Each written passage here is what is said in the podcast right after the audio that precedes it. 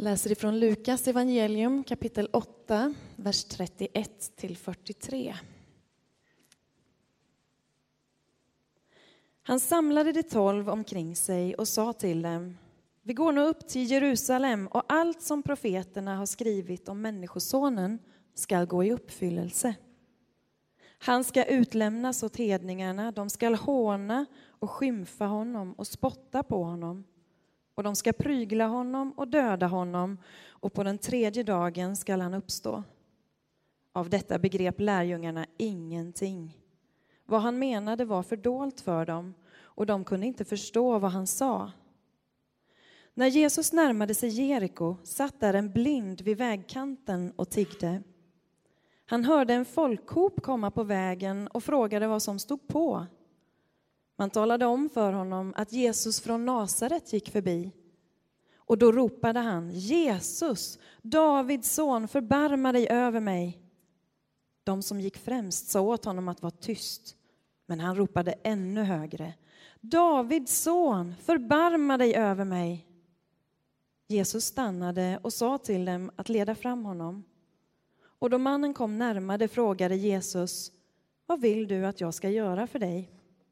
Han svarade, Herre, gör så jag kan se igen.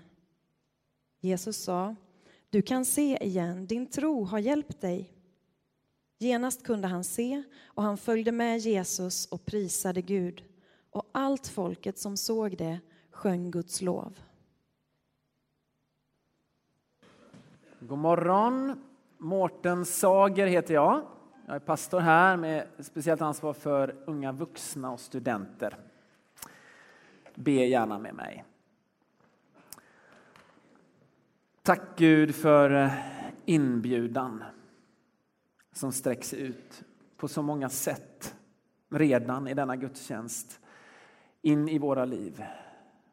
Där du vill säga till oss att du eh, älskar oss och att vi får vara med genom sång och musik, genom vittnesbörd, genom praktiska grejer så kommer en inbjudan till kärlekens väg. Tack för det. Amen.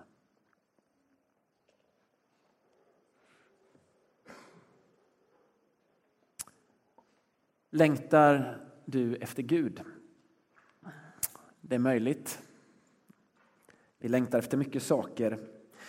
Israels folk, det judiska folket, de längtade efter Gud. Och eh, speciellt tydligt blir det när de är fångna som slavar i Egypten. Jag vet inte om de längtade hela tiden då, jag tror inte de gjorde det. Men jag vet att det trädde fram en man som var kallad av Gud och som väckte deras längtan. Han hette Moses. Och så får han det här folket att börja längta hem till ett bättre land. Ett land som inte är i fångenskap. Ett eget land där de ska kunna vara sig själva, där de ska kunna vara fria. Och så vet de flesta av er hur det går att på mirakulösa sätt så befrias de till ett nytt land, ett bättre land. Det tar tid att komma dit och när de väl kommer dit så visar det sig mer komplicerat än vad de kanske hade tänkt. Befrielsen och hoppet var liksom mer komplicerat än vad de hade tänkt. Och faktum är att detta folk blir fångna igen, besegras av fiender och deporteras. Och det som är speciellt med det judiska folket och med Bibeln, det är att nederlagen leder inte bara till hat. Det ledde säkert också till hat. Men i dessa stunder av nederlag, då börjar man reflektera över vilka är vi? Vad vill Gud säga oss med det här? Och Det fanns till och med de som hade en speciell uppgift att göra det här. De kallades för profeter. Att liksom analysera. Hmm, var gick det snett?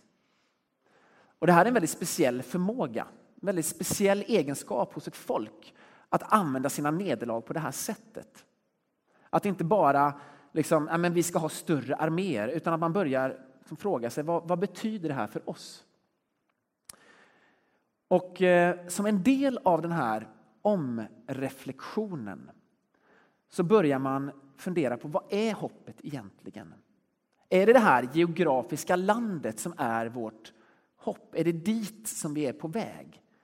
Eller är det någonting, är det någonting större? Och då växer det fram en global vision. Att det är inte bara de som ska befrias, utan det är hela världen som ska befrias. Och kriget, vapnen, ska förändras. Kriget ska bli till fred. Vapnen ska bli till plogbillar. Alltså det som man kan odla jorden med. En fantastisk vision. Deras Gud skulle inte bara vara Gud för dem, utan Gud för hela världen. En global vision om fred och frihet för alla folk.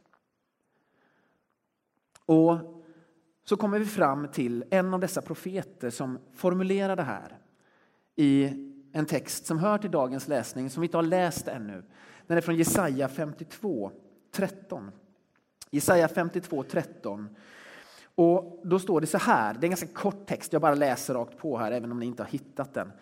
Min tjänare ska ha framgång. Han ska bli upphöjd, mäktig och ärad. Många förfärades över honom, så vanställt var hans yttre, så föga mänskligt hans utseende. Men nu får han många folk att häpna och kungar förstummas inför honom, ty de ser något de aldrig hört talas om, bevittnar något de aldrig anat. Vem av oss trodde på det vi hörde? För vem var Herrens makt uppenbar? Det hoppet som ska komma, det ska komma genom en tjänare, genom en kung som är mäktig. Det är det som Jesaja börjar med att säga här. Men det som är konstigt, det är att den här kungen som visionen liksom samlas kring, den person som förkroppsligar visionen, ja, han ska vara en kung. Det vill säga, han ska vara av Davids släkt. Det var så det hette om kungarna. De skulle komma från Davids släkt. David var liksom den stora kungen i Israels historia. Men det var någonting annat också. Någonting som ställde till det i huvudet, som gjorde att kungar förstummades och som gjorde att det inte var uppenbart för alla vad är det här för sorts makt. Och så kommer den här texten som, som berättar om att hans yttre var vanställt. Att eh, hans utseende var föga mänskligt. Och om man fortsätter läsa här i den här texten som kallas för Herrens lidande tjänare så är det, det är så märkligt att denna kung ska bli sjuk, utsättas för synder, plågas och lida. Det är en väldigt märklig vision av ett folk som längtar efter befrielse, att det är så det ska gå till. Det ska komma någon som är mäktig, som är Guds tjänare, men ska utsättas för lidande, plågas, vara sjuk, knappast mänsklig ens i utseendet. Och det här konstiga som, som uttrycks här, det, det konstiga fortsätter med Jesus. Därför Jesus uttrycker sig precis likadant i den texten som ni hörde Petra läsa från Lukas 18, 31 och framåt. Att han säger om sig själv, jag ska lida, jag ska torteras, jag ska bespottas, jag ska dö och så ska jag uppstå. Och lärjungarna, precis som kungarna här och, och, de andra som lyssnar på detta, vad handlar detta om? De förstår inte och det är ändå flera hundra år efter Jesaja har sagt de här orden så förstår lärjungarna fortfarande inte vad detta handlar om. Och det kan vara lite befriande att det är svårt att förstå. Om du har svårt att förstå så är du inte ensam. Det är svårt att förstå. Varför måste detta hända? Ja, men det är ju svårt att förstå därför att om nu Gud är mäktig, om nu Gud ska befria världen, om han ska byta kriget, eländet, lidandet, sorgerna till fred, frihet, glädje. Varför knäpper han inte bara med fingrarna så här? Varför? Om han nu är Gud, om han nu är så mäktig, varför gör han det inte bara så här? Det är ju jättekonstigt.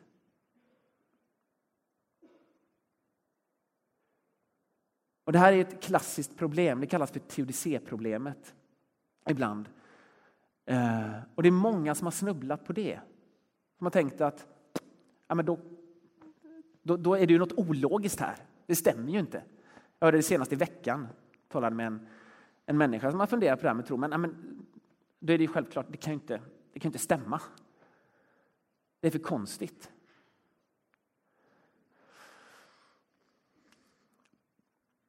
Jag, jag, jag tänker mig inte att vi ska lösa teodicéproblemet här. Eh, även om det vore bra. Men, men jag tror att det finns någonting i dagens texter som kan ge ett förslag på hur man kan tänka. Därför jag tror att en nyckel till att förstå de här konstiga texterna och i grunden frågan om varför måste Jesus dö? Som det heter så rakt på sak i våra alfakurser. Det är en väldigt bra fråga. Varför måste Jesus dö? Jag tror att ett förslag som är värt att begrunda det är att börja i Vem är Gud? Vad är hans mål? Hur jobbar Gud? Jag tror man måste börja där. Därför att om man förstår det, då blir det faktiskt ganska logiskt. Det som sen händer och det som förutsägs. Och Jesus död. Alltså man måste börja i, vem är Gud? Och hur jobbar han för att han är som han är? Och vad är hans mål? Vad är det han vill? Hur ser befrielsen ut? Hur ser hoppet ut? Och då tänker jag mig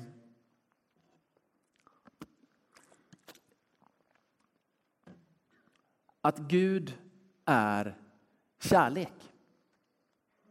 Okej. Okay. Var det inte mer spännande än så, tänker någon? Var det det här som vi har väntat på?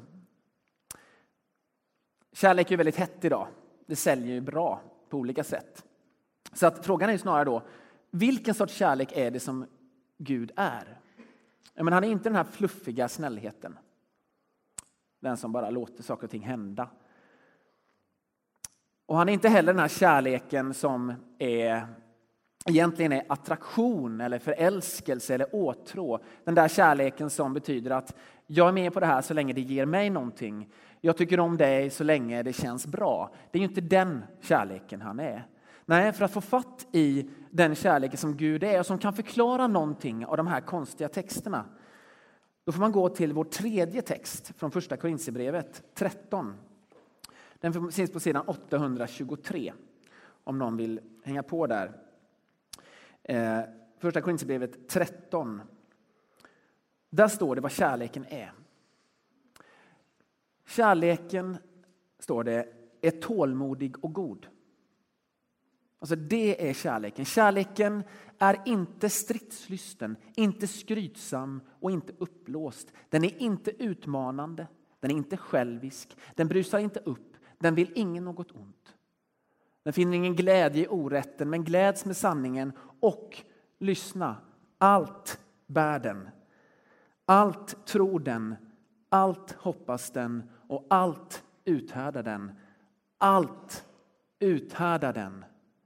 Detta är Gud. Detta är kärleken. Alltså om detta är Gud, om det är så han är, hur jobbar han då? Den som är sån här, den som uthärdar allt, den som är tålmodig och god, knäpper den med fingrarna. Jag knäpper med fingrarna när jag är hungrig. När jag är riktigt hungrig, då bjuder inte jag in mina barn till att hjälpa till och laga maten. Jag är inte så tålmodig då.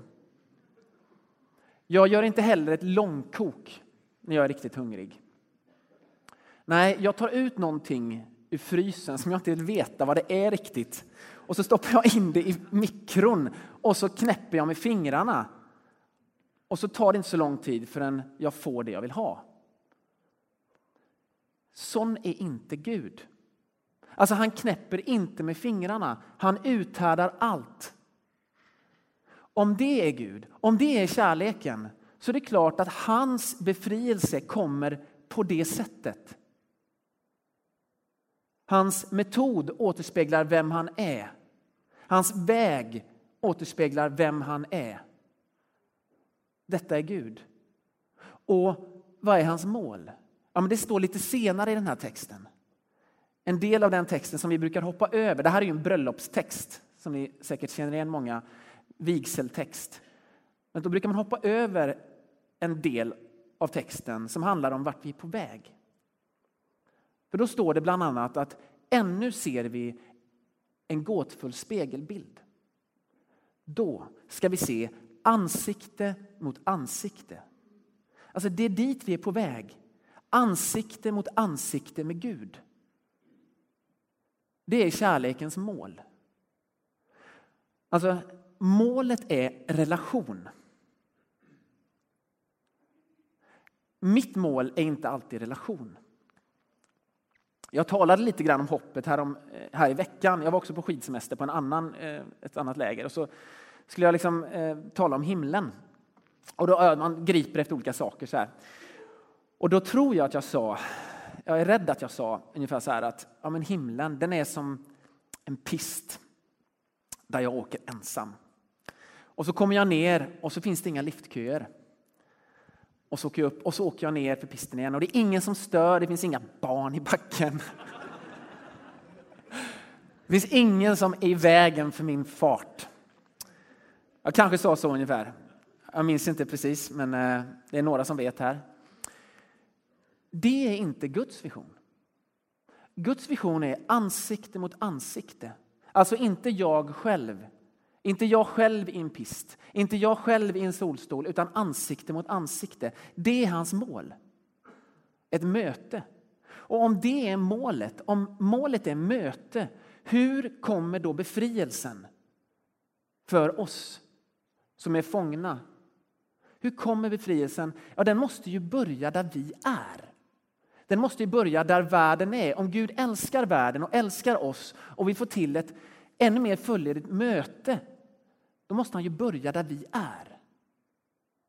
Och var är vi? Ja, vi är ju på väldigt många ställen och vi, vi, vi har väldigt mycket, men man kan inte komma förbi lidandet om man ska börja där mänskligheten är, där människorna är, där världen är. Man kan inte komma undan det. Man kan inte knäppa med fingrarna när man går in i en relation och ta bort det. Man kan inte knäppa med fingrarna och få den som man ska ha en relation med att plötsligt vara någon annanstans. Man måste börja där den är. Hur gärna jag än hade velat att min fru, när jag gick in i den relationen, skulle ha utvecklats lite mer. Så, va? Ingen som känner igen sig där. Och jag är helt övertygad om att hon hade velat att jag skulle ha utvecklats lite mer. Eh, men man kan inte börja där, man måste börja precis där man är. Gud börjar precis där vi är. Och då måste han lida och dö. Därför det är där vi är. Lidandet är här. Synden är här, i våra liv. Och om han ska börja och upprätta en relation med oss, då måste han börja där. Så tänker jag. Så tror jag att man kan förklara teodicéproblemet. Släng ut det på Twitter. Säg att det är löst. Eh, men i detta så ligger ju en otrolig inbjudan till oss att få vara med på den vägen. Det är det som är så fantastiskt med det här sättet att agera, att han inte bara gör det själv, det gör man ju, man knäpper med fingrarna och då fixar man det helt själv. Då behöver ju inte någon annan vara med. Det är ju ingen som får med när jag åker i en pist eller när jag trycker på mikron där. Det är ju ingen som får med i det. Men han gör inte så, utan han bjuder in. Så inbjudan är öppen. Därför att han vill ha relation. Det är det som är hans mål. Kärlekens väg är öppen. Du är välkommen med på den. Och det verkar ju så väldigt enkelt. Och för vissa av oss är det så enkelt. Och för många av oss så är det inte så enkelt. För många av dem i texterna här så var det inte så enkelt. Kungar förstummades, för vem var hans makt uppenbar, stod det i Jesaja. Lärjungarna de fattade ingenting, fastän det var tredje gången han sa det. Och så då korintierna som Paulus talar till. Som inte heller har fattat någonting. De har fattat jättemycket, men det är problemet för dem. Den här församlingen som han talar de här, den här vigseltexten till, som ju inte är en vigseltext från, början, text från början, utan som är en, en slags eh, undervisning till församlingen i Korint. Deras problem var att de, de fattade så mycket och tyckte att de var så bra. Och de hade så många gåvor och så många kompetenser. Och så säger han, nej men nej.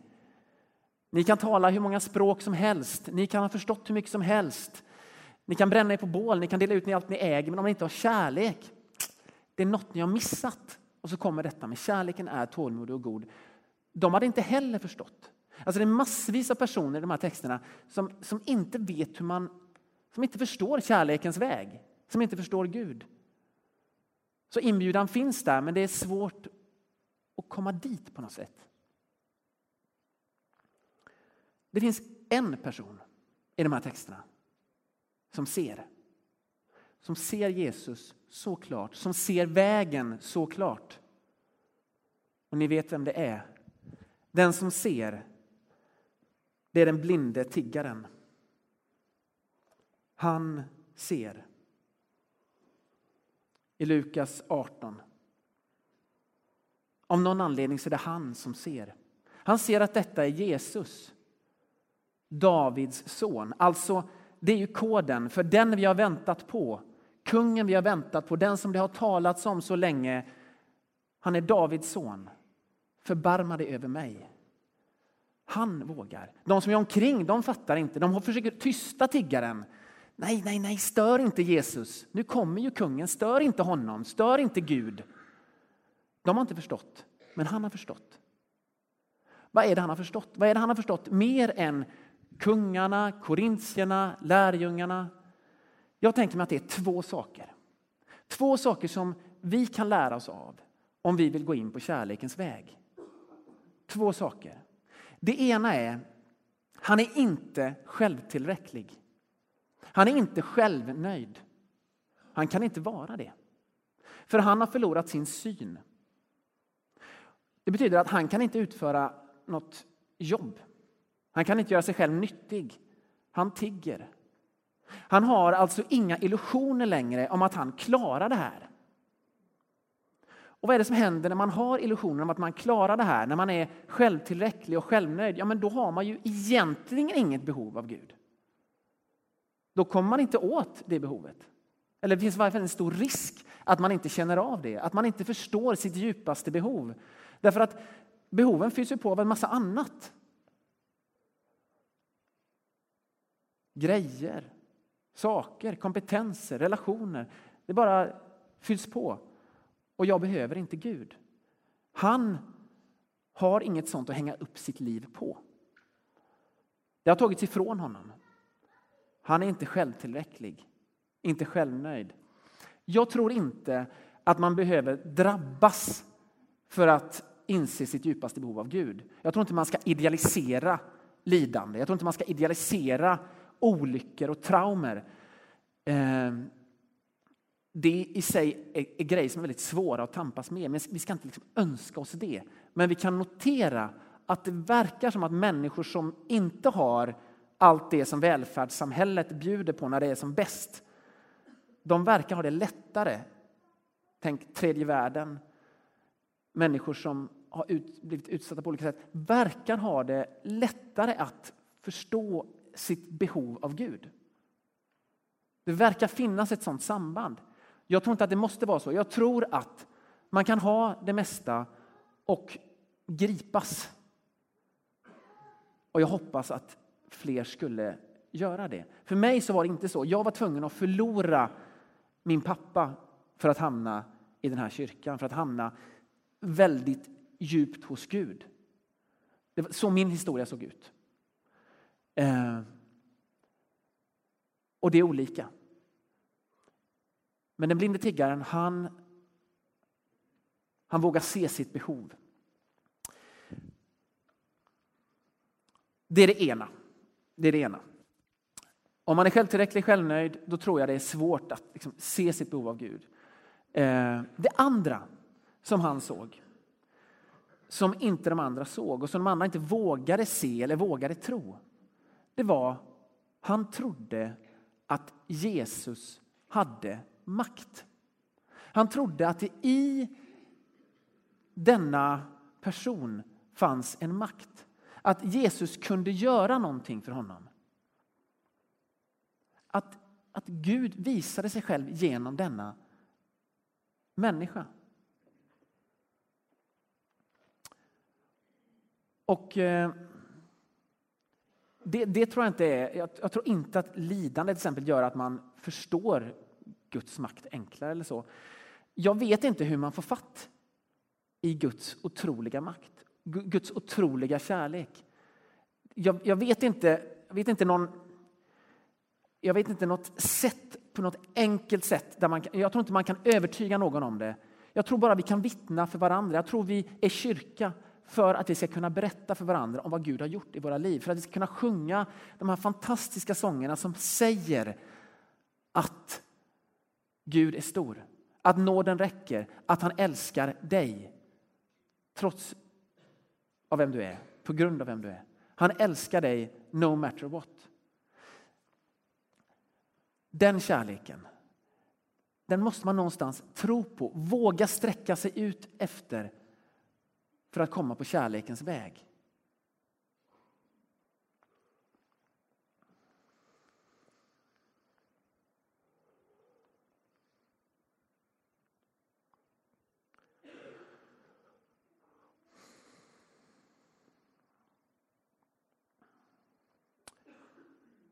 Du, du har ju säkert hört det här. Det kanske är så att du har hört det tusen gånger. Att Gud älskar dig. Det kanske är så att du vet det. Och ändå vill jag utmana dig att det kanske är så att du någonstans inte tror det. Alltså att du någonstans när den blinde tiggaren ropar inom dig. När misslyckandet ropar inom dig, när det övergivna inom dig ropar eller när någon annan ropar. Att du kanske ändå inte kopplar ihop det med den Jesus som kommer in i byn. Så är det för mig. Jag vet detta. Och ändå så är det så att de delar av mig som är övergivna de frusna delarna av mig, de vet inte om det.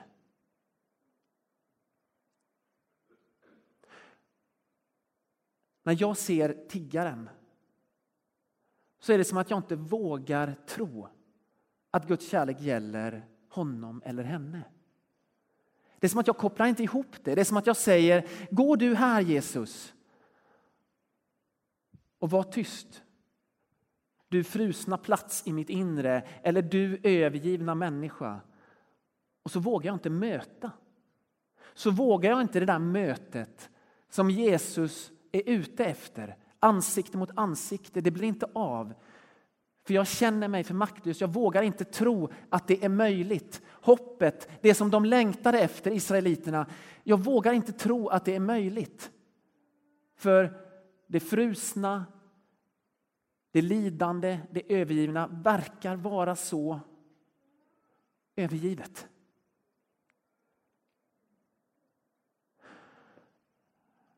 Men våga den tanken. Våga tanken att nåden räcker. Att Jesus kommer in i byn för att möta just dig. Just dig när du mår så här. Just den som inte har mat. Och för Lina behövdes det Tom Shoes för att hon skulle våga tro att ja, men Gud kan nå in hit. För någon annan så är det en förebedjare där bredvid orgeln som behövs för att man ska fatta en hand på min axel för att förstå att nåden gäller mig idag även när jag känner att jag har gjort något som jag absolut inte skulle göra och som Gud inte kan älska mig igenom. Det är till och med så att Gud kan älska dig även om du har svårt att tro på honom. Man får ändå böja knä och säga jag vill tro. Jag vill tro att Jesus kommer in i byn för att möta mig. Jesus, Davids son, förbarma dig över mig. Det här är på riktigt och det gäller ditt liv. Du är välkommen på kärlekens väg. Det är frivilligt, men du är välkommen. Låt oss be. Tack Gud för att du bjuder in oss. Även om vi ibland får för oss att nej, det här har bara blivit en kultur, det här har bara blivit en ritual. Eller det är för de andra. Det är de som inte har studerat på universitetet eller något. Gud, jag ber, öppna upp oss så mycket så att vi ser att nåden gäller oss idag. Precis som vi är, precis där vi är, ansikte mot ansikte. Amen.